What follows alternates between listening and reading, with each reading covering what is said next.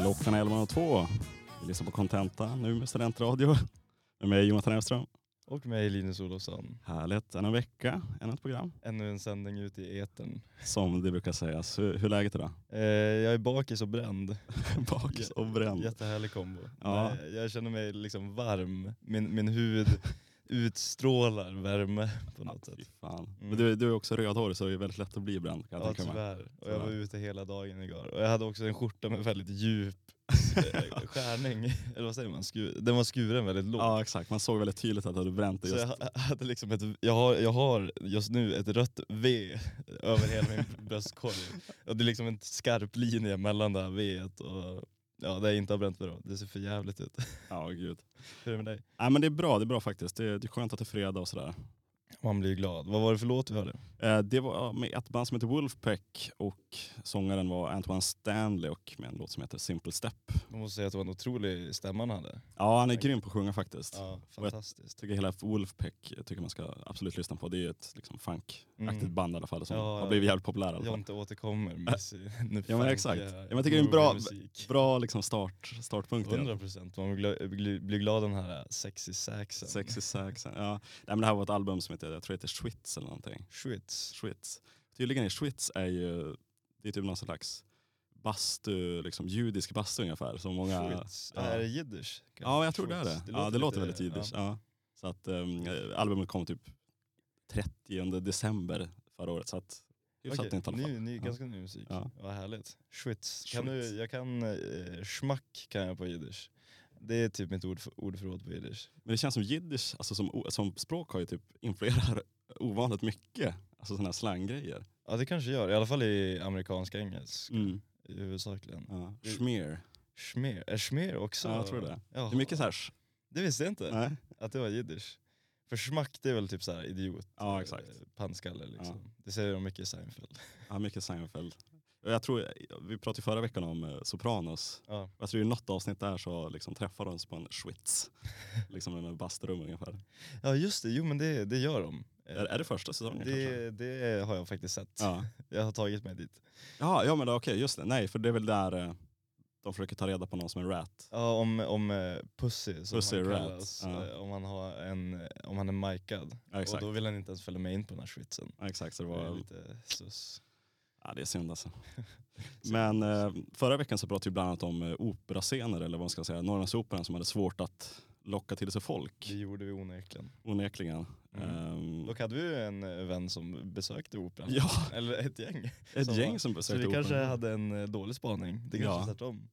De kanske fick gratisbiljetter också. kanske, ja, vem vet. Vem vet, ingen aning. Nej, men jag läste i här i veckan, i alla fall, om det var i, um, om det var i onsdags eller någonting, det var ett reportage som Västerbottens-Kuriren hade lagt ut om nedlagda scener i Umeå. Att många musikscener som har funnits har tyvärr liksom stängt ner av någon Mm. anledning. Och att det ropas egentligen på att mer musikscener behövs för, liksom, kanske inte de här stora scenerna som, som Norrlandsoperan Nej, eller som uh, Väven, utan lite mindre scener som faktiskt Underground-scener liksom. ja, som lokala band faktiskt kan spela på. Mm. Och de skriver i artikeln bland annat liksom att ett antal musikscener har försvunnit från Umeå det senaste decenniet. Utvecklingen oroar artister och musikskapare som menar att det saknas mellanstora scener. Medan styrande eh, politiker och tjänstemän inom kulturen inte anser att scenutbudet är problemet. Okej, så de, de tycker inte att det är ett problem? Nej exakt. Alltså. Men vad, hur kommer det sig att de stänger ner då? Det måste vara ekonomiska...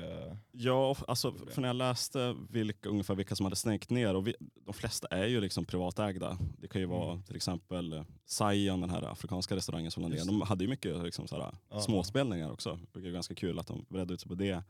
Um, Peppe, Peppe som du kommer ihåg det. det Peppes? ja, det revs 2019. Uh, la väl ner tidigare än det. inte koll. Vars var Peppes? Det var liksom, vet du när man, eh, det finns som en korsning mellan eh, Kungsgatan, E4 och sånt där och det finns som Mm. en cykelverks, cykelhus på något sätt. Umeå kommun har satt upp ett, liksom ett glashus med cykeluthyrning och man kan Jaha. serva cykeln där. Du menar där? Men det är precis bredvid där jag bodde, alltså elevhemmet. Ja, exakt. Det är precis bakom Maggan. Ja exakt, exakt. Ja. Och där, där fanns det ett ställe som hette Peppes tidigare. Okej, där den glasburen stod? Ja exakt. Jaha. Och där stod ett, liksom ett gammalt gult trähus tror jag som, som revs. Men även eh, Klubb 100 eller Guitars som det hette. Och det var, det, var, det, var ju kommunen som ägde de Var lokalerna. det Klubb 100 som var typ bredvid Norrlandsoperan? Ja exakt. Ja. Och, Men, Alla Umeåbor pratar så gott om det. ja det var ju Jag väldigt trevligt ställe får man säga. Jag har inte hunnit uppleva, eller jag hann inte uppleva det. Nej exakt. Nej, men det var ett jäkligt nice ställe. Men där var det väl att kommunen behövde lokalerna för att typ, ha någon slags skolverksamhet av något slag. Fan vad deppigt. Ja, väldigt öppet. Men i, i den här artikeln så blir bland annat eh, Broder John intervjuad. Eh, känd musikproducent Mm. Och artist från Umeå i alla fall. Och han säger bland annat att när scenerna försvann så försvann också möjligheten att arrangera saker. Tidigare kunde vi, eh, kunde vi bjuda in artister som gillade från hela Sverige på ett, och på så sätt visa upp Umeå. Med, med färre musikscener blir musikimporten eh, importen till Umeå lidande. Vilket Mm. make no sense alltså. Ja, ja precis, man har inte samma eh, display liksom, eller Nej, det- in. Nej exakt, det blir svårare och svårare att få in artister. Liksom. Mm. Visst, det är lätt att få in de här kanske stora, för det finns ju stora scener. Vi har ju Folkets hus och så vidare. Mm. Det är lätt att, liksom, men då, det kostar jävligt mycket pengar också i och Ja, för sig att boka dem och grejer. Man vill ha de här grassroots-systemet. Ja, exakt. Liksom, eh, scenen bygger och när sig själv på något sätt. Ja exakt, exakt. Och att det ska kunna frodas. Det är Mm. tråkigt att det ska behöva Ja, för det är så- ner. Det är så pass viktigt också för, vill vi ha liksom, lokala band som kommer från Umeå så måste vi liksom, kunna erbjuda dem ett ställe att spela på också. Exakt. Och liksom, det finns ju krogar och liksom ställen som, som det går för dem att spela på men då kanske man inte får lite, man får kanske inget betalt överhuvudtaget. Nej. Eller, bara väldigt dåliga scener eller liknande. Det är svårt att få ta sig in på något sätt också. Ja, antar det. Men det är, undrar vad det beror på. Alltså om det är efterfrågan som har blivit mindre, om folk kanske inte suktar och Ja. ser livemusik på samma sätt. Det kanske är så här eftersvallvågorna i corona. Ja jag tror mycket är det faktiskt. Att folk inte rör sig Mm. ut på samma sätt eller Nej behov exakt. av livemusik på det sättet. Mm. Det kanske är svårt, jag vet inte om det är liksom svårt att dra dit folk och att det liksom inte är ekonomiskt lönsamt eller, eller något så kan det också vara. Nej, men jag tänker det har ändå funnits ganska många Mm. sådana mindre scener i Umeå. Mm. Varför de har börjat behöva stänga ner på senare år. Mm. Ja men det verkar ju vara att det var mycket liksom, ekonomi och sådär. Mm. Det är väl det som är det stora problemet. Men om vi, om vi även politiker fick ju liksom fick ju, vad ska man säga, höras i den här artikeln också. Eh, och då säger bland annat Helena Smith som är eh, socialdemokrat och ordförande i kulturnämnden Mm. och liksom hon betonar att liksom, det har ju faktiskt tillkommit scener på senare Mm. år och att det inte är ett, liksom ett problem. Och att liksom, för, för, nämner bland annat verket som finns. Eh, Verket? ja exakt. Vars är, det? Det låg tidigare på I20, jag tror nu ligger det mitt i stan. Ah, men det var ju på I20 tidigare. Ja, exakt. Då vet jag vad det är för ställe. Ja, exakt. Det är en lite- polare som spelade där förut. Mycket punk, I... punkgrejer och sånt där, är väl ett, sånt ställe. Ah, Okej, just det. Men även att liksom, väven har mindre scener också som man kan liksom, uppträda på. Mm. Men det känns ju som att Umeå är ändå en kulturstad. Det kommer alltid finnas ställen som folk kan spela musik på. Ja, för, för Umeå har ju alltid, liksom, har alltid liksom haft den där känslan att det ska vara ett liksom, Kul kulturhuvudstad. kulturhuvudstaden 2014 bland annat. Ja, exakt. Och det får man hoppas att det liksom satsas på mer musikscener i Mm. liksom hela Umeå. Så att, 100 procent, det Fler tror jag band. det behövs ja, verkligen. för att fortsätta liksom, nära de unga. Mm. Så att Och- säga. som sagt, jag var, jag var på, en, eh, på en spelning i helgen. Av någon, alltså, jag hamnade bara där på något sätt. Mm. Eh, vi, var, vi var ett gäng som var ute och spelade quiz på, på um, Elektra. Ja. Och senare så drog vi på uh, Facit. Just det. Det Mm. var en releasefest för en artist som heter Carl Knut Sigurd. Just det, men det här eh, har jag hört. Mm. Hur var Carl Knut Sigurd? Ja, men jag tycker det var bra faktiskt. Ja. Jäkligt bra. Eh, men jag tyckte, jag tyckte förbandet var riktigt bra. För de hade riktigt, vad ska man säga, riktigt här old school punk, uh, Tony Hawk Pro Skater punk-aktigt. Vilket nice. jag tycker var jävligt nice. Var det de här sekunderna? Ja exakt, vad sekunderna. Ja. Jag tycker vi ska spela en liten låt med sekunderna i alla fall så kan vi visa upp lite Ja, vad den lokala liksom. Jag skulle vilja höra, jag var ju inte där då som sagt. Nej men Får exakt. jag också uppleva det ni upplevde där. Ja men exakt, så här kommer en lokal förmåga i alla fall. Det är sekunderna med låten Vägen hem.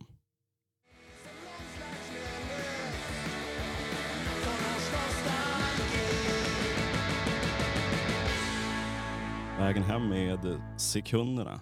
Det låter som alltså, så Green Day-inspirerat som du säger, 90-talspunket. Ja men det är härligt, så här old school. Det är mycket fart och fläkt. Ja, exakt. Men man blir glad att det är på svenska, för det låter ju som riktigt amer- amerikansk eh, punkrock. Ja exakt, exakt. Jag tycker det är riktigt härligt i alla fall. Nej, men jag tycker de, de var grymma jävla live. Alltså, det var, de, de lät nästan bättre live om man får helt ärlig. Mm, mm. Så jag vet inte om det var bara att de hade jävligt bra liksom, ljudmixer eller liksom, ljudkille som fixade ljudet. Ja, eller om det var att, men i och för sig, sån här musik passar sig jävligt bra live. Ja, det ska ju vara skränigt. Det ska vara skränigt och låta högt. mycket och man ska kunna se dem och Ja. det mycket känsla på scenen. Exakt, exakt, exakt. Det, det tycker man ju om. Ja. Men eh, mer på det lokala planet kanske. Jag är från Norrbotten Mm. eh, och tycker om att läsa. Och vi har en, en, eh, vad säger man, en debutroman från en författare eh, Ah. uppvuxen i Luleå.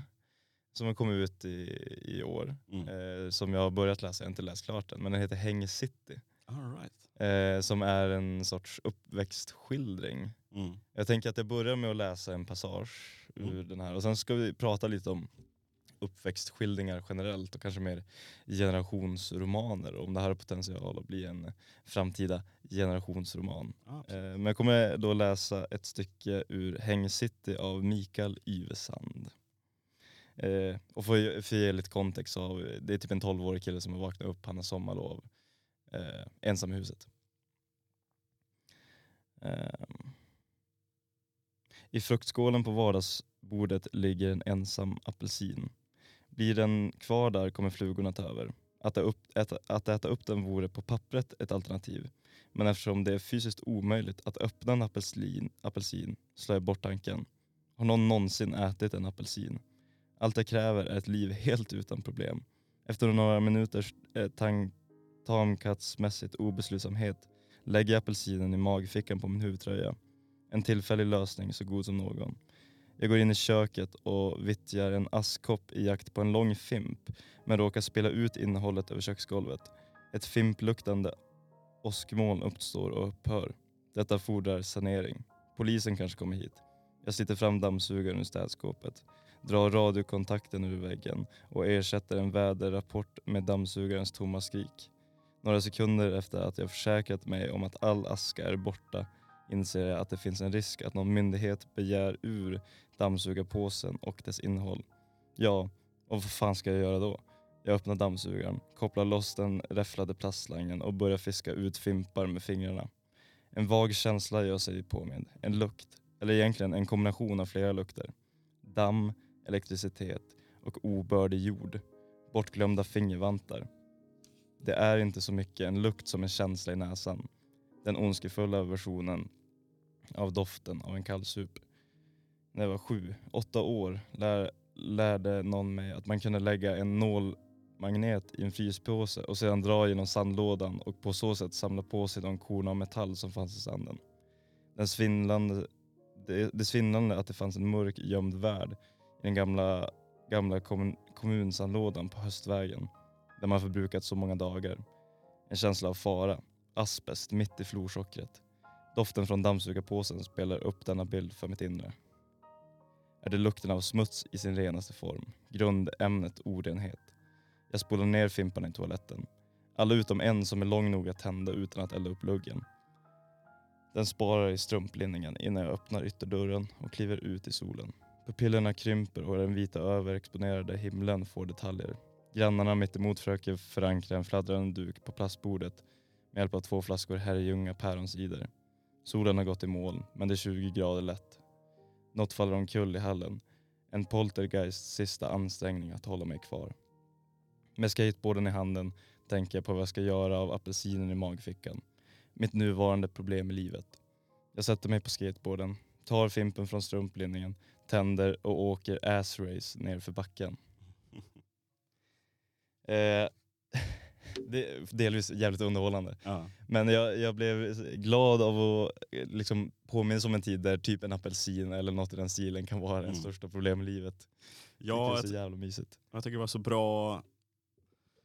Det låter verkligen som en författare som är bra på att förklara allting. Alltså gå in på de små detaljerna verkligen. Ja, men han skriver ju små saker som är obetydelsefulla. Ja, Alltså typ asbest mitt i florsockret. Det Ja. tycker jag är en jättebra mening. ja otroligt faktiskt. För man förstår ju precis vad han försöker säga. Han Mm. förmedlar en känsla genom att skriva om så otroligt vardagliga saker. Mm. Och det blir man jävligt glad av på något sätt.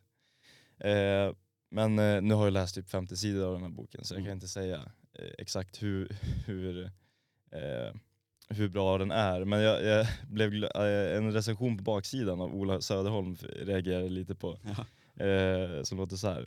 Eh, helt knockad av Mikael Yvesands Häng City. Otroligt hur han lyckas fånga det där. Men det kanske är, det, det är väl det, just den här passagen du berättade, det är just det Mm. där. Alltså det, är Det, det, det är det där han kan sätta fingret exakt på Ja, vad exakt. det är utan att man själv kan förklara vad det är han definierar. Exakt.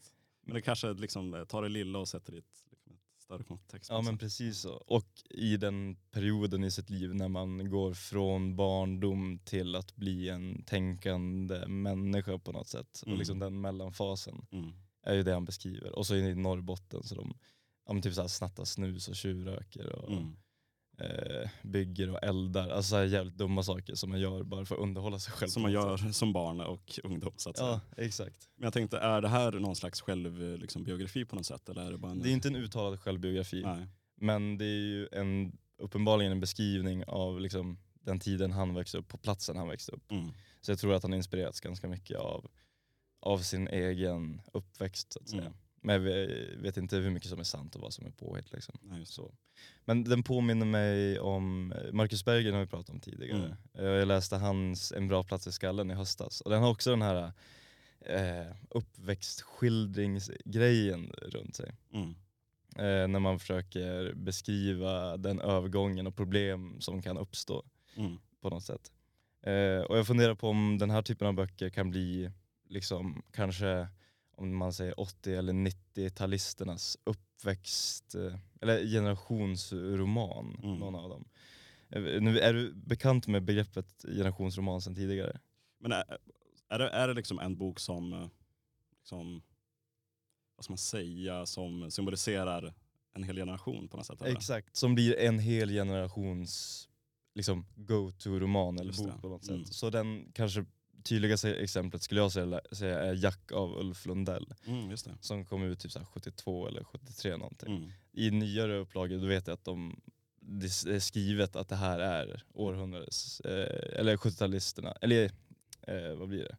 Ja. 60-talisterna kanske. 60-talisternas, Ja. eller ja, vad de nu är. 50-60 och sånt där. Generationsroman Ja. Den är beskriven som en generationsroman. Att, Mm. Men det är ju som ett porträtt av Stockholm på 70-talet. Mm. Och också en ung man som lever ganska dekadent Mm. eh, och har bara fokus på typ tjejer och klarar Mm. av vardagen. Liksom. Men det är som, man beskriver en tid och en plats. Ja, för det, det, väl, det låter ju väldigt, jag har som inte läst någon generationsroman överhuvudtaget, men det låter ju väldigt som att det, det ska kunna beskriva platsen liksom, där man växte upp kanske på något sätt och också även liksom, det som försiggick och, och så vidare i ungdomen på något sätt. Ja men exakt, i tiden. Mm. Jag tänker att eh, de här, eh, men typ eh, Marcus Berggren och Mikael Yvesand att de kommer kanske, eller någon av dem kommer nog bli det vi minns från, som våra generationer mer Mm. och våran ö, uppväxt eller tid, liksom att växa upp på Mm. 90-talet eller två, tidigt 2000-tal. Mm.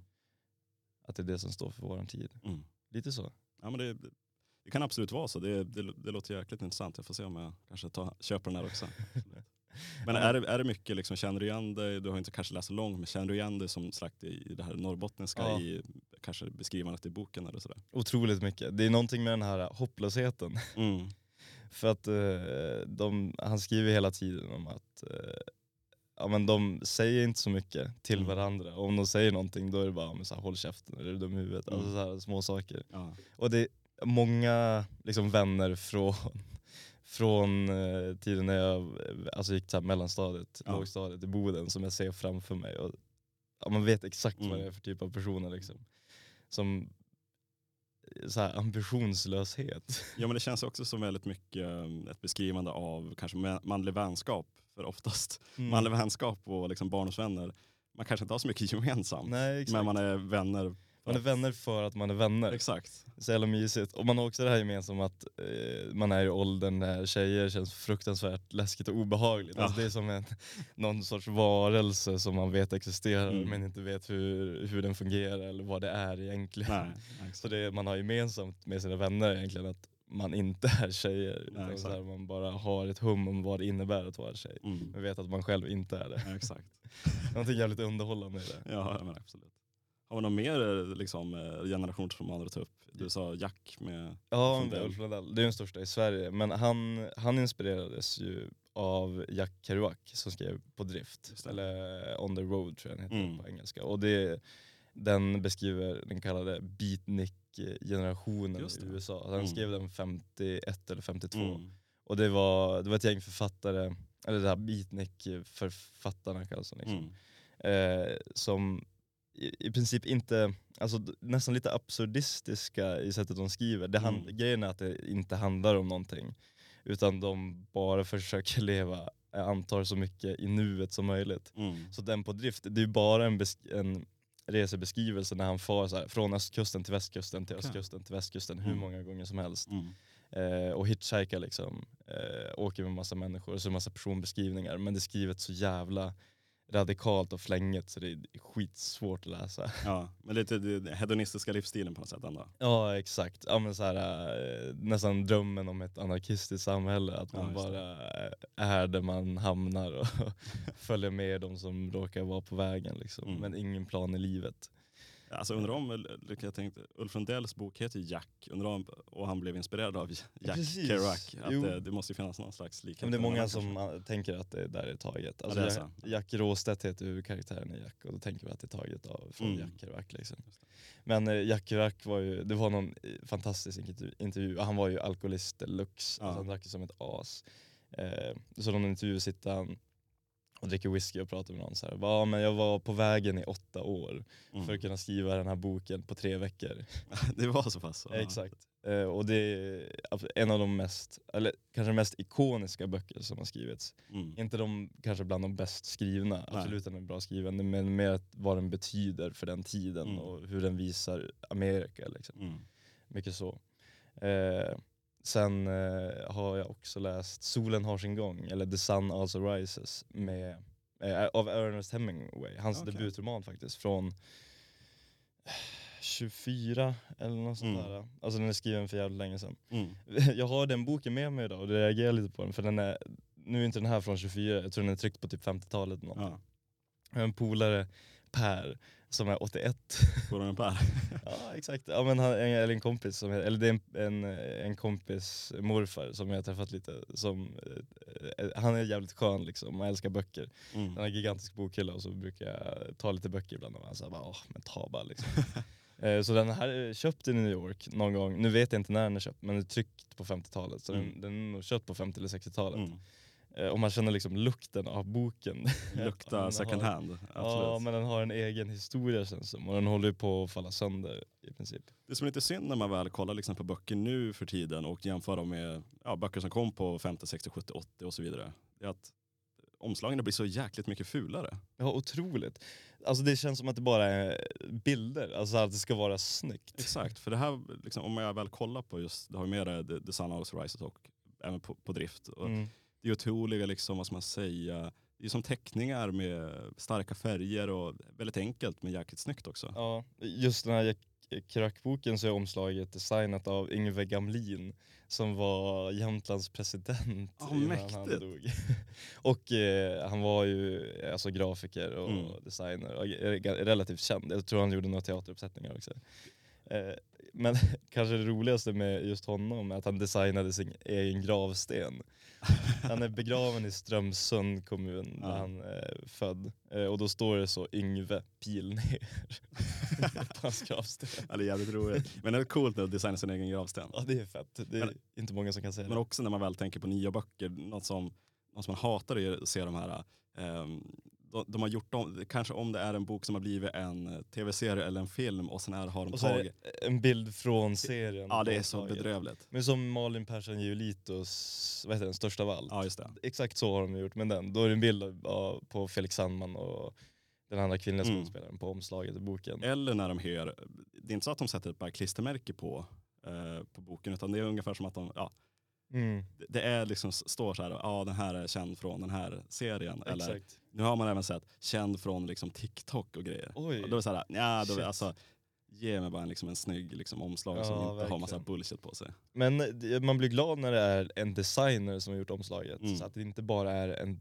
bild. För Mm. ofta är det bara, eh, alltså jag läste Alex Schulmans Malmö station som kom Mm. ut med förra året. Det är så här, en bild på en örn, så här, en snygg bild på en örn. Mm. Så jävla platt och tråkig. Ja. Man hade velat ha någonting lite djupare på något sätt. Eller med Mm. li, lite lager liksom. Ja men absolut, det tycker jag också. Ja, 100%. Men eh, ja, Ulf Lundell är väl kanske i Sverige den största, eh, skriv, eller har skrivit den största generationsromanen. Mm. Kanske det känns naturligt att vi lyssnar lite på Ulf Lundell. Ja men det tycker jag också. Då kommer en låt här som heter 67, 67 med Ulf Lundell. 67, 67 Vad har du tagit vägen nu? 67, 67 med Ulf Lundell. Ja, det är varma minnen måste jag säga. Ja du har det. Ja, faktiskt. Och bra minne från året 67 kanske. Ja, nej, mer typ som förra sommaren. Ja exakt. Men det är roligt där, när vi pratar om Jack Kerouac och liksom hans Ja, inspiration precis. av det så sjunger han ju liksom om det. Om, om Jack Kerouac. Ja, så han är ju absolut uh, inspirerad Absolut. Av, Jack Kerouac. Den svenska Jack Kerouac alltså. Ja, 100 procent. Nej men vad, har du lyssnat? Du har inte lyssnat så mycket på Lundell? Nej faktiskt inte. Det känns som man kanske bör göra det. Ja, lite grann i alla fall. Och kanske läsa Jack också. Ja, Och Jack Kerouac. Ja, men han är ju framförallt en textförfattare. Mm. Så eh, det är väl eh, mer eh, alltså texten och kanske inte hans röst man lyssnar på. Nej exakt, det är, det är lite Bob Dylan även. att Jävligt Ja. bra på att skriva. Mm, exakt. kanske inte alltså det, det funkar, han är ju bra på att sjunga. Det är Ja. inte att han är dålig. Men, Ja, men man tycker om att alltså, lyssna på honom. så. ja, absolut. Men, det, det, styrkan sitter i texterna. Ja, Så är det. 100 procent. Inte musikaliteten. Nej, exakt. Jag läste en DN-artikel här om dagen i alla fall. Mm, spännande. Som jag varit lite ja, uppmärksammad på, på i alla fall. Mhm. Och jag ska ta ett litet snippet ur den i alla fall, vad den handlar om i alla fall. Berätta mer. Då står det så här. I Expressens uppmärksammade granskning om Gudrun Sjödén i fjol beskrev anställda och tidigare anställda inom företaget en arbetsmiljö fylld av mobbing, hot, kränkningar och rasism. Publiceringen ledde till att grundaren Gudrun Sjödén lämnade bolaget som anställd efter 50 år. I den nya dokumentären Persona non grata, Gudrun Sjödén, ger hon sin syn på händelseförloppet och den kritik som riktats mot henne och bolaget. Hon uttrycker bland annat besvikelse över att hon inte fick gå i svarsmål efter Expressens granskning. Känner du igen den här nyheten om just den här Gudrun Sjödén? Inte just det, det är jag inte bekant med. Men var, det var lite eh, vuxenmobbing typ? eller? Ja, lite vuxenmobbing, lite, lite rasism och så vidare. och så vidare. Och Okej. eh, det vart väl en sociala medier, lite det vart lite storm kring, Mm. kring det där och hon lämnade. Ja, men- Blev väl mer eller mindre cancelled så att säga. Just det, möjligt att jag har hört någonting, men mer så här vuxenmobbing-diskussion. Mm. Eh, så. Men alltså var hon 50 år på Expressen? Nej, hon, hon, hon, hade, hon, jobbade, hon har ett företag som heter Gudrun Sjödén som gör kläder och så vidare. Ah, Okej, och hon hade varit där i 50 år? Ja, det var, hon hade varit med och startat Hennes liksom. egna företag? Ja, exakt. Och så hoppade hon av? Ja, exakt. Eller det, det var väl säkert ledningen där som sa att ja, nu är det dags att gå på något sätt. Ja, då måste det vara riktigt jävligt. Ja, jag tror det. Eh, så, så i alla fall det kommer, SVT gör i alla fall en dokumentär nu som heter Personen non grata, Gudrun Sjödén, där hon får liksom, ja, berätta hur det gick till och eh, liksom gå vidare. Liksom, får väl ställa sig i försvars, ha någon slags försvarstal i alla fall. Och de- den här dokumentären är in the making? Nej, den finns ute nu. Okej, den finns jag, ute. jag tror den släpptes i förrgår eller någonting. Jaha, har du sett den? Jag har inte sett den i alla fall, men jag blev lite mm, liksom... Eh, Jag känner väl att det räcker inte med de här jävla snyftdokumentärerna om folk som har blivit cancelled. Det har varit mycket. Ja, Alltså, man det var- tänker ju direkt på Margot. Ja exakt, det var ju det här, kan vi förlåta Margot? När hon hade, hon hade lagt ut, det var någon som hade somnat i hennes trapphus och hon liksom hade lagt ut det. Liksom. Filmat istället för att ringa polisen typ. Ja men För Det exakt. hade kunnat vara en person som var i ett allvarligt Ja exakt. eh, hälsofarligt tillstånd. Ja, exakt. Så då kom det, det var ju ganska liksom, det var inte lång tid innan den dokumentären kom ut. Nej, Ja, det var, det var liksom någon, någon vecka efter. Men problemet med det, det kändes som att ett PR-team hade gått in och, och bara okej Mm. nu ska vi få att framstå så bra som möjligt. Mm. Så det, därför man kollar på det med väldigt mycket avsmak. Mm. Eller jag gjorde det i alla fall. Ja och, och även den här liksom, den personen non grata, Soran Ismail också, där han fick, Mm. han vart ju också cancelled på grund av ja, anklagelser om sexuella trakasserier tror jag. Och ganska rejäla Ja, exakt. anklagelser får man lov att säga. Han Ja. var ju borta aslänge. Där var det ju en mer tyngd i och med att han hade varit borta typ två, tre år Mm. från standup-scenen. Överhuvudtaget, ingen hade sett till honom, ingen Nej, visste exakt. vad som hände i hans liv. Och sen så kom det från ingenstans. Den, den tyckte jag var intressant att kolla på. Mm. På grund av att man, för jag hade ändå följt honom ganska mycket sen tidigare och så Mm. blev jag såhär, bara, shit nu säger han någonting. Det känns Mm. som att han har gått helt under jord. Men grejen med den var ju att den också kändes som helt ny med det konceptet att göra en dokumentär med syfte att nu ska vi tycka synd om den här personen som Ja, det handlar om. Alltså så, istället för bara att beskriva ett händelseförlopp. Mm. Eh, och det är typ den Margot-dokumentären och det du tar upp nu, Mm. det känns som att det har inspirerats ganska mycket utifrån från den dokumentären. liksom. Ja men exakt, och det, det är frågan, ska SVT liksom hålla på med att göra dokumentärer om folk som ska liksom få försvara sig för vad de har gjort? Det är väl det jag tycker är lite konstigt. Ja, det blir ju konstigt om man använder det som ett eh, det blir som ett försvar för den personen. Eller Exakt. så här, ett verktyg eller medel för, Ja. för den personen att komma tillbaka. Exakt. Det borde inte vara SVTs funktion utan det borde vara dokumentärt berättande. Att bara liksom Mm. måla upp en bild av någonting som har hänt. Ja exakt, Nej, för jag känner att vi har väl kanske fått nog. På ett sätt är det bra att en, en människa får säga liksom sin berättelse och så vidare. Jag vet inte om, om SVT ska vara den, liksom, den liksom, aktören för att det ska hända på något sätt. Men det känns rimligare att använda sina egna plattformar för det. Ja exakt, det kanske är svårt när man är cancelled och liksom man ska berätta, ut någonting på sin egen plattform. Att det blir så här, vem fan bryr sig om vad du säger just nu? Mm, faktiskt. Jag tycker det är konstigt med hela den här cancelkultur-grejen. Alltså att man ska eh, bara låta någon försvinna för att de gör misstag. Alltså så här, det känns som ett jävla hårt klimat. Ja men samtidigt misstag och misstag. Alltså, visst, jag, jag tycker ju, är, är det så att man har åkt dit för sexuella trakasserier Men det är en annan, om, nu kanske jag tänker mer på Margot. ja, Den exakt. Soran Ismail-grejen är ju, Det är en annan femma, absolut. ja. Nej, men alltså, den här Margot-dokumentären var ju jäkligt, alltså det var ju en av de mest liksom, tittade dokumentärerna på, eller mest tittade sakerna över- överhuvudtaget på Mm, SVT Play, mm, Play mm. förra året. Så jag menar folk är intresserade obviously. Och det verkar funka. Men det kan ju vara också att Margot är ett så pass stort namn. Ja, det kan ju vara det också. Nej exakt, det finns ju liksom eh, grader att, att hon gjorde det hon gjorde och Mm. liksom, att vara liksom, rasistisk eller sexistisk eller liksom, utföra brottsliga handlingar är, liksom, det är helt olika saker. Mm. Hon, hon är ganska mild. Men problemet med hennes dokumentär var väl att det släpptes så tätt in på det hände. Alltså, det gav ju ingen eh, alltså, så här, eh, tyngd eller respekt. Alltså, Nej, det kändes svårt att kunna svälja det när Mm. hon ska vara där lite halvgråtfärdig. Bara, "Ah, jag ångrar så mycket det jag har gjort. Mm. Det känns som du gjorde förra veckan. Ja exakt. Hur mycket Det, tid du har haft att tänka på det här. Liksom. ja exakt. Låt det liksom landa först och sen får Mm. du väl göra en dokumentär om det om det är så fall. Ja. Men jag vet inte, jag, som sagt jag har dålig koll på Margot Ditz i och för sig. Men undrar hur det går för henne nu i alla fall. Ja, jag följer inte henne överhuvudtaget men Nej. det känns som att det inte var ett jättegigantiskt bakslag. Det vart ju större än liksom, man trodde. Mm, Hon tappade ju så här, hur mycket liksom, sponsorer och grejer som he- exakt. möjligt. Men jag tänker att hennes, liksom, hennes fame sett till hur allvarligt det var Mm. så var det nog en ganska mycket mindre skada än om man tar Soran-grejen. Ja Med tanke på att hans namn var nog inte alls lika stort som Margaux Mm. medan det han anklagades för var så mycket värre. Ja mycket, mycket grövre. Eh, Så det, det finns väl en diskrepans däremellan liksom, Mm. sett till hur stort namn och hur allvarliga anklagelser. Mm. Det är som Louis CK, även om du har koll på amerikansk ståupp Ja jag tror, vi pratade om det han för några avsnitt sedan Mm. tror jag. För han, ja det kanske vi gjorde. Ja. Det, var typ samma grej som Soran. Ja. Eller han blev metoo-anklagad, han erkände att det hade hänt. Han hade typ ona, frågat om han fick onanera framför två kvinnliga kollegor. Mm. De hade sagt bara nej, vad fan säger du? Mm. Typ. Och sen hade han gjort det ändå. Mm. Men det jag tycker är intressant med just honom är att han gick ut med det helt öppet. Mm. Kanske var borta i ett, två år. Mm. Och sen började han komma tillbaka på scenen och nu är han liksom tillbaka i branschen 100%. Ja, för det är så intressant med alla de här som har blivit cancelled att det är många som säger att ja, det förstör folks liv och grejer. Men det känns som alla som har blivit cancelled någon gång har ju kommit tillbaka på ett sätt eller annat. Ja exakt, bara att det blivit en, en tid utanför. Exakt, de har satt, liksom satt sig i frysboxen under en period och sen var de kommer tillbaka igen. Så Ja, det spelar ingen roll, det känns så. Nej men jag tycker det är konstigt, alltså, om man, alltså typ som Louis CK då, för det, är Ja. väldigt, det är en jävligt allvarlig grej. Det Ja, känns ja. så konstigt sen att de ska komma tillbaka och folk älskar honom som de gjorde tidigare. Ja, exakt, Alltså, det är som så här, svårt att glömma bort det på något sätt. hur, hur allvarligt, liksom, hur, allvar, eller långt måste man gå för att aldrig kunna liksom, acceptera det igen? Nej, Det exakt. kanske är så här Harvey Weinstein Ja exakt. exakt. gränsen. Ja. Han, ska, han kan ju aldrig röra sig. Men det är ungefär som Trump när han sa liksom, eh, Trump är ju ganska känd för att göra mycket sjuka grejer som sagt. Ja, Och att, det- där spelar det ingen roll liksom, vad han Nej, gör. precis. Han sa väl att liksom, jag kan gå ut på öppen gata och skjuta någon, folk kommer älska mig ändå.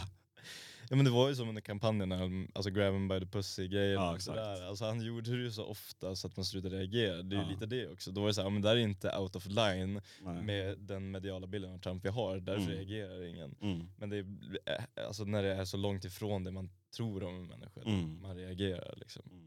Mycket det. Men det är väl också allt det här, just, det finns ju många musiker är väl liksom, over, många musiker är ju svin, så är det ju bara. Mm, mm. Och det finns ju mycket det här med att man ska skilja på verk och person och så vidare. Ja, typ Michael Jackson. Ja men Michael Jackson, ja men John Lennon till Ja. exempel var väl ett svin. R. Kelly sitter väl fan inne. Mm, Och det är frågan liksom, man kommer ju fortfarande njuta av deras musik på något ja, sätt. ja. Så att jag vet, ja, det är svårt det där. Men det är, det är ju en sak att Ja. kunna så här, uppskatta innehållet. Det Ja. tycker man alltid kan göra. Mm. För att det, man tycker, mm, alltså con, content, Ja exakt. att det, det ska man kunna göra. Mm. Men det, man ska inte hylla personen Nej, som person. Nej. Det, det, är väl, det är väl det. Alltså jag skulle aldrig bara, ja, men har du lyssnat på Louis CK eller? Han, är, han har bildat alla mina feministiska värderingar. Nej, Om jag exakt. hade sagt så, då hade man blivit oro, orolig. Liksom. Ja Ja, exakt. Men det är också det kanske med stand-up är ju att det, det är så jäkla personligt. otroligt. Det är verkligen bara att man står och snackar allt vad man nu tänker Exakt, för du står ju där som en person och sen tar Mm. dina tankar och grejer. I musik är det mer att man målar upp en annan slags bild på något på. sätt. Mm, 100%. Jag tror, det Eller om man spelar en karaktär eller Ja. vad som helst. jag tror det är lätt att det blir mm, alltså, feltolkat i stand-up. Alltså, Mm. om, om någon som inte är insatt i personen eller den liksom, stand-up-scenen Mm. och bara hör ett skämt. Mm. Då kan det nog låta hur sjukt som helst Mm. för att man pratar om någonting helt fucked. Liksom. Ja, för och sen stand-up ska väl vara, alltså det, det som stand-up komiker säger på scen ska ju vara liksom från deras liv och ska vara sant på ett sätt Ja, också. exakt. Sen, jag menar, Det är de, klart att det kryddas. det är klart det ljuger som, de ljuger som fan så Ja. det bara smäller om det. Men det ska ju ändå vara, det ska ändå representera dem på något sätt. Ja men man ska framföra det som att det är Ja, men exakt. det. Men det, och det, jag tror det blir, alltså, så här, om man hör Trump säga något sjukt, då blir, som sagt, då blir man inte förvånad för det förväntar man sig av honom. Mm. Men om en komiker som man kanske inte känner till sen tidigare säger någonting, och bara, Mm. men fan så kan vi inte hålla på och säga liksom. Mm. Så tror jag man reagerar mer på det för att det Mm. känns oväntat. Har du någon eh, favoritartist som är eh, cancelled? eh, vilken, bra, vilken bra fråga. Jag har en i alla fall. Har du en? Ja. Ja, men kör din så får jag tänka lite. Jag älskar ju det bandet eh, The Smiths. ja. Och sångaren där, Morrissey, är väl eh, så här dunder oskön och liksom Mm. riktigt jävla svin. Just det. Jag älskar liksom musiken i sig men jag hatar fan han alltså. Han är Ja. riktigt jävla jobbig alltså. Ja, ja, ja, jag fattar. Ja men det är väl, alltså Louis CK är ju gigantiskt Mm. eh, fan av Mm. i stand-up-världen. Har du sett hans nya grejer? Jag har hört att den, den är ganska sådär. Jag har Alltså, sett hans, gnäll alltså. hans special 2017. ja. Det är det senaste jag sett. Men hade han blivit cancelled då? En bra fråga. För jag kommer ihåg att han var jävligt bra tidigare men sen Ja. att liksom när han kom tillbaka så började det började bli mycket så här, ja, gnäll, du vet, så här gnäll på det nuvarande samhället. Ja, och liksom så här. Ja, men det- det känns PK, och lite- PK-hat och liksom allt det där. ja men såhär Eric Clapton. Ja, ja, en annan artist. Ja, när du väl säger Eric Clapton, absolut. En artist som jag har liksom alltid gillat, men han är ju också ett jävla svin. Han, visst, han yttrade sig om, var det corona eller? Det var någonting. Ja, exakt. Men han bara, ja men det här är bullshit. Ja, exakt. Fuck. Jävligt, han yttrat sig ganska rasistiskt också. Ja exakt, det var något sånt ja. Det sjukaste är när, när vi väl pratar om Morrissey, han, han spelade typ en spelning, eh, jag vet inte vad det var, men han, han spelade typ en halvtimme och sen sa han bara han tyckte, han tyckte det var för kallt för det var en sån utomhus, utomhusspelning. Ja, det är för kallt så, så, här, sket, så här, ja. då sket han ner det bara. Spelade en halvtimme och sen bara, nej det är för kallt, jag drar. Jävla svin. Men det var ju som, det var någon som snackade om Keith Richards, undrar om det var någon komiker som hade träffat Keith Richards. Mm. Att han, han eh, bara sa så, coke.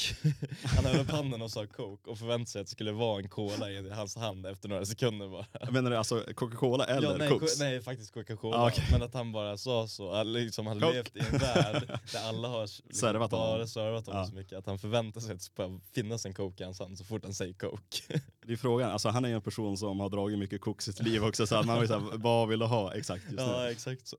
Jag trodde faktiskt menade kokain i Ja, början. det hade det lika gärna kunnat vara. Lina.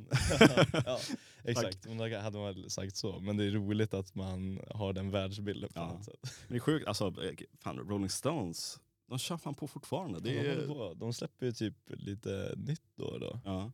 Men det Eh, är också, också ett band som jag gärna vill se när de slutar. Men alltså, i och för sig, jag har aldrig varit någon stort Rolling Stones-fan, men det hade varit bara coolt att se dem. mm, bara för att det är dem. Och kanske exakt. att man har sett eh, Rolling Stones. Det är som Eller- Bruce Springsteen också. Ja, eller Iggy Pop kör ju fortfarande också. Ah, fan, han han blir är- riktigt gammal. Han ser ju så jävla senig ut också. Han var ju i Stockholm för ett eller två år sedan. Ja, och han tar fortfarande av sig tröjan. Ja, han är alltid utan spelar. tröja när Han han ser, alltså, det ser ut som att han håller på att smälta. Typ. smälta, man ser bara, han ser ju som sagt senig ut. Ja exakt. Och så, alltså, jävligt bra form för vad han är, 70, 75 Ja, ja, exakt. Måste det vara. Det är ändå imponerande.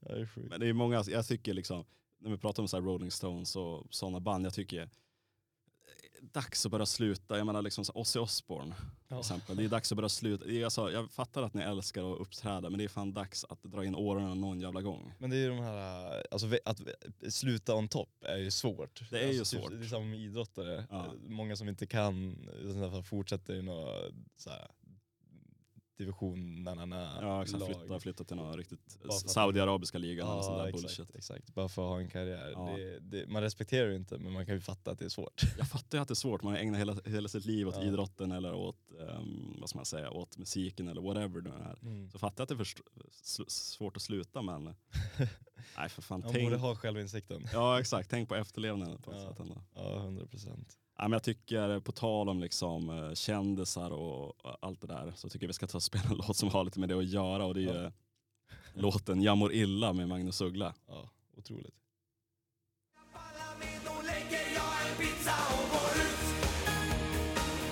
Jag mår illa Magnus Uggla. Jag tycker det är roligt att namnen fortfarande är aktuella. Alltså Ja. att de kör Hörberg och Lotta Engberg. Ja exakt. Och Pernilla Wahlgren. Det är liksom är- folk som fortfarande är väldigt mycket i det mediala rampljuset. ja. ja men det får jag ändå säga, det de har, riktigt svenska kändisar. ja, De håller sig verkligen. kvar på något sätt. Men på tal om Pernilla Wahlgren Mm. så har hon ju en dotter Ja just som det. också är ganska mycket i det mediala rampljuset. Ja, konstant i liksom. Jag tycker lite synd om henne ibland. Alltså, det- hon blir ju klandrad för vad fan som helst nu för tiden känns det Pernilla eller Bianca? Bianca. Bianca.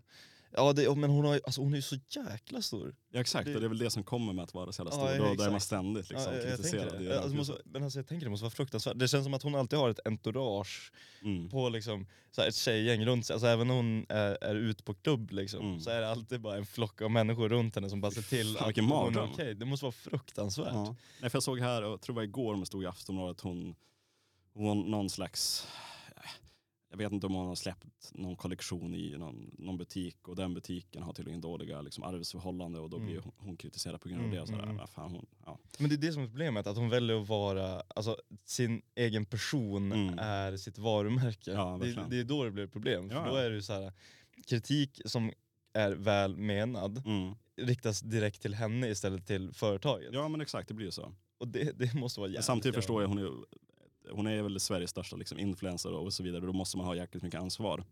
Så är det verkligen. Men självklart, men alltså, så här, Mm. alltså fruktansvärt påfrestande att vara sitt eget varumärke. Konstant ja, ja Ja. fy fan alltså. Eh, men hon har ju, har du kollat någonting på hennes talkshow? Ja jag såg, Bianca? Jag har sett några grejer i alla fall. Jag såg när Fredrik Wikingsson var med i alla fall. det såg jag också. För man älskar ju Fredrik Wikingsson Ja, så jävla precis. mycket så man ser allt han Ja, är med i. han var så jävla obekväm.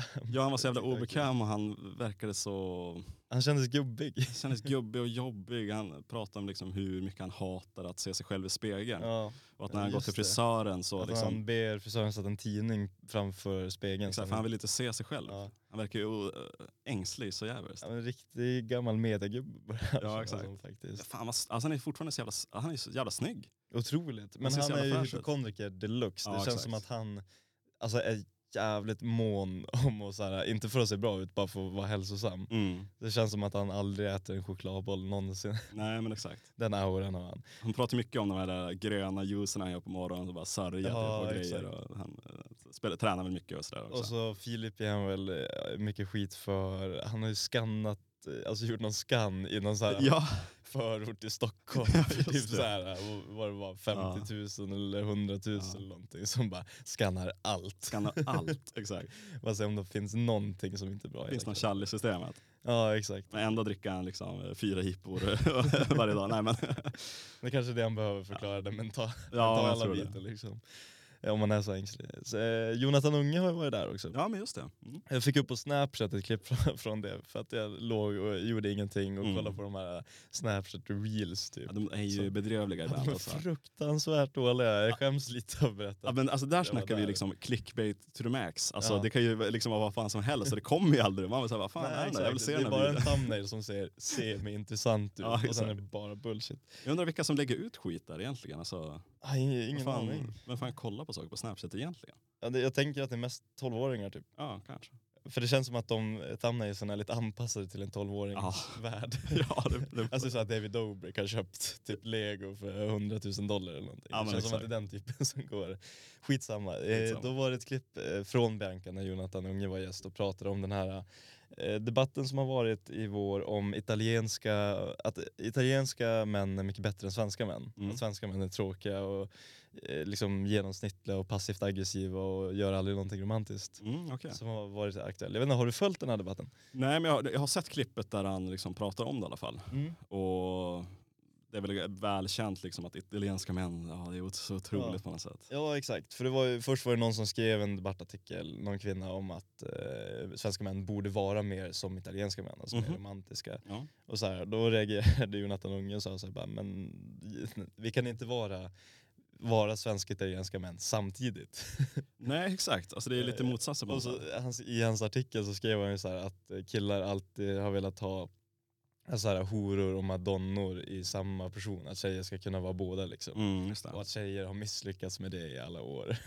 Därför är det inte rimligt att killar ska kunna vara båda också. Alltså liksom både svenska och italienska män. Nej, men så också, det blir ju också lite konst, alltså det här med att italienska men det är väl folk som träffar liksom, italienska män på semester och jag menar det är ju semester och semester. Mm. Jag menar, hur väl är de i liksom, det vanliga livet?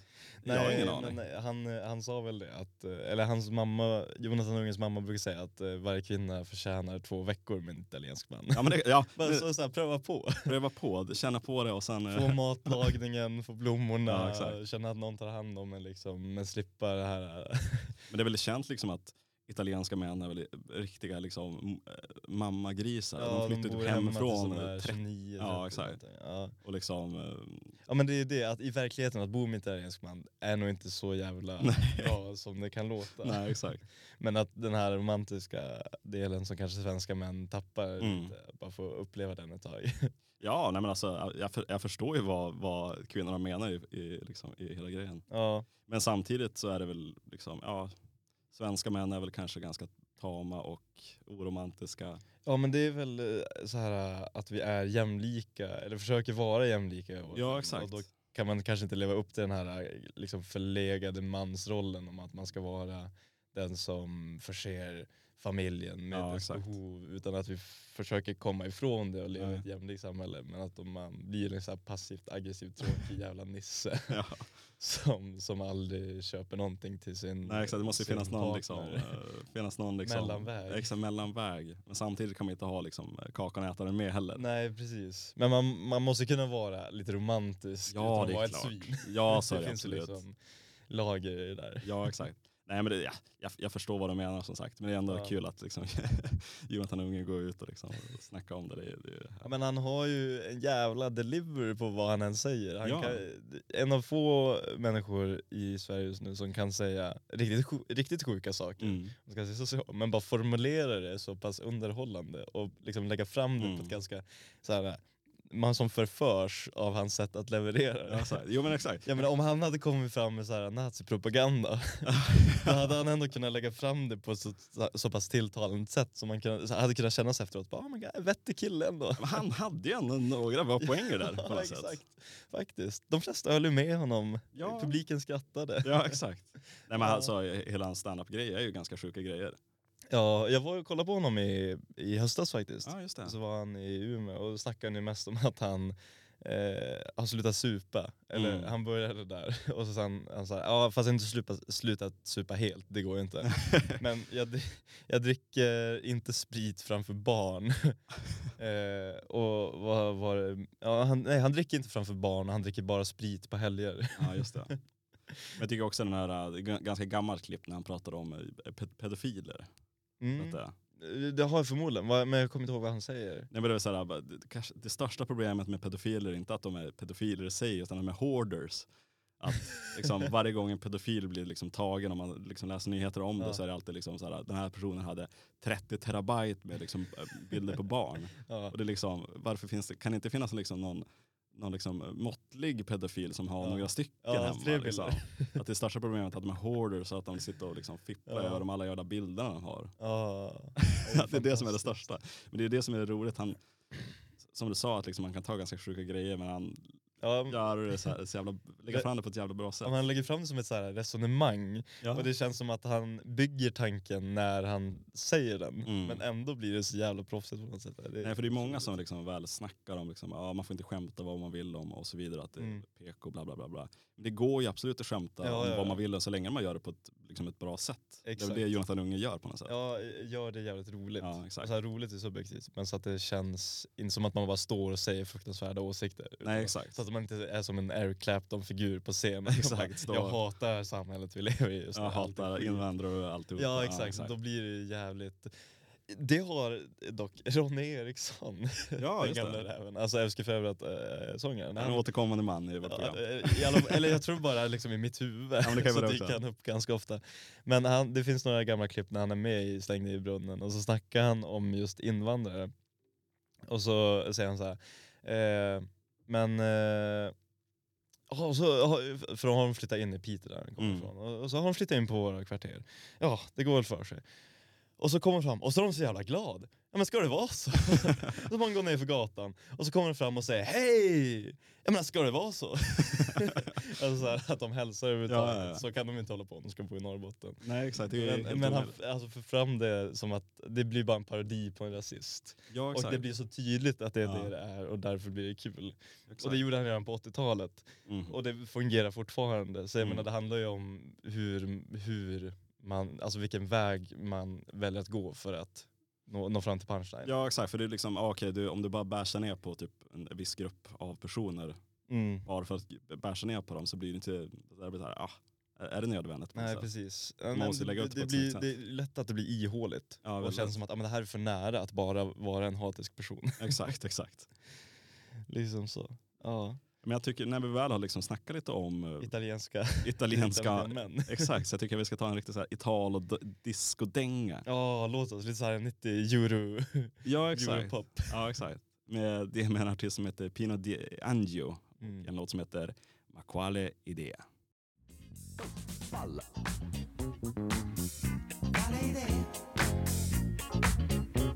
Ma quale idea med Pino Di Angio. Alltså, det låter lite som, du vet eh, Right Said Fred-låten I'm too sexy. Ja. I'm too sexy for my show. Ja, Men det är väl det här vi liksom pratar om, den italienska sexigheten, när Ja, skiner igenom så jävla hårt i den här låten. Det är som Ja. ingen direkt, direkt sång nästan, utan det är liksom mer han som Ja, bara... lite tal, så slappt. Förföra. Ja. Men liksom, jag blir ju liksom påmind, det här är ju liksom Italo, disco, 80-90-talsaktigt. Mm. Påminner om eh, filmen eh, Call Me By Your Name. Jo men just det, du sa det. Jag har ju tyvärr inte sett den. Nej exakt. Men det är också Italien på, på 80-talet. ja exakt. Ja. Eh, Jävligt härlig film. Jag läste någonting om den. Eh, jag- Jag såg den när den kom ut, det var väl kanske 2018 eller sånt där kom ut. ja, det känns rimligt. Eh, Lite sån här side-note just om den filmen, endast filmat med ett objektiv, om det är så här 50 mm objektiv eller någonting. Det, det- det är bra gjort i alla fall av Ja. den som filmar. Att kunna hålla sig till ett enda objektiv under en hel film. Det är ju imponerande. Det Jävligt inte- snygg film och jävligt bra film också. Så rekommenderas. Mm, Och- och, den måste jag kolla på känner jag. Han, en av de som spelar huvudkaraktärerna, Army Hammer, har ju också blivit cancelled. Just det, det var kannibal eh. Eller han var lite kanni- kannibalkåt. Ja, verkligen. Också Så en person som har försökt att liksom komma ut och liksom försvara sig själv nu också. Ja, Det kom en artikel för någon, någon månad sedan i alla fall där han skulle förklara sitt, sin position i det hela och, och så vidare. Och så vidare. just det. Och det, alltså, jag tänker bara på The Show, Social Network, alltså filmen om Facebook, Mm. grundningen av Facebook, så spelar en av The Winklevoss-bröderna. Ja, Som hade någon sorts originalidé som Ja. Mark Zuckerberg bara kom in och bara oh det här är bra, Ja. jag tar den. Det är konstigt med Army Hammer, det här med hela, liksom, varför han blev. Alltså det var, Alltså, han hade väl skrivit till eh, x antal tjejer att han ville typ skära upp dem och äta, typ Äta, deras hjärta och liksom in, äta inre organ tror jag. jävligt underligt.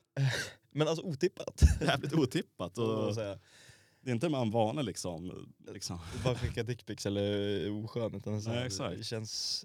Men alltså sånt där känns ju Gränslöst alltså. obehagligt. Det var ju som, eh, inte, det är inte för damer jag tänker på, han är också orolig. Men den andra stora seriemördaren i USA som Ted Bundy. Mm. Han levde ju i, alltså han, han, var ju, han gifte ju sig och Mm. levde som gift under ganska många, om det är så här 5-10 år under perioden han mördade massa unga tjejer liksom, Mm. och våldtog dem hemskt. Mm. Eh, och eh, han tillfångatogs och sådär. Och sen fick ju hans fru reda på alla hemskheter han hade gjort. Det måste vara en så jävla konstig känsla för hon var ju inte medveten. Alltså de hade ju ett normalt sexliv och liksom Ja, eh, ett eh, vanligt gift liv ett liksom. normalt giftliv. Ja. Och då, hon hade ju inte reagerat på någonting så i och med att de ändå var gifta så länge. Mm. Fatta att ha haft en sån relation typ 5-10 år med någon och sen inse att de liksom styckmördar och våldtar unga tjejer på sidan. och så bara att liksom han har jag levt med. Hur fan ska man gå vidare från det? Ja jag menar Det det. är helt omöjligt. Det måste vara en så jävla konstig realization. Bara, vad fan, han, verkar, han är helt reko med mig. Ja exakt. Var, han- varför han inte mördat mig just? ja exakt, exakt. Kanske blir lite såhär, men, men, är inte jag bra nog för att bli mördad? Ja, eller har han några sjuka fantasier om att jag är liksom det bästa som någon gud har skapat, att jag är för helig för det här eller något sånt där. Ja det är fan sjukt alltså. Konstigt också, det var väl Ted Bundy som fick många liksom beundrare.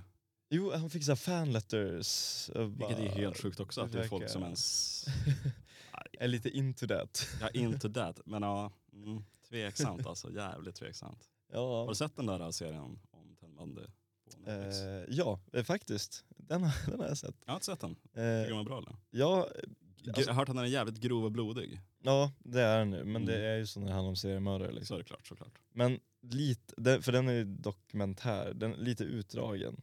Men eh, tror jag tänker på en, någon sån här spel alltså med skådespelare. Men tänk inte på den om, eh, Jag kanske tänker på en helt annan seriemördare. men den här nya som kom förra året som typ slog Netflix-rekord. i- Det kanske inte var Ted Bundy, nej. det var inte Ted Bundy, det var ju det han jag sa. Det var Jeffrey Dahmer. Jeffrey Dahmer, Just det, det var den jag tänkte på. Den såg jag, Ja. den är otroligt jävla bra. Mm. Svinbra faktiskt. Just det, för Men det var, den, var, den är riktigt grov. ja det var den jag tänkte på. Ja, För det finns en annan, jag tror det finns en film om, um, svårt att hålla reda på, inte Jeffrey Dahmer utan eh, Ted Bundy. Ted Bundy exakt. Och det är väl uh, Zac Efron som spelar Ted Bundy tror jag. Ja, men det är den jag har sett. Ja exakt. Men, är det, ja, den men, var ganska bra faktiskt. Ja, ihåg.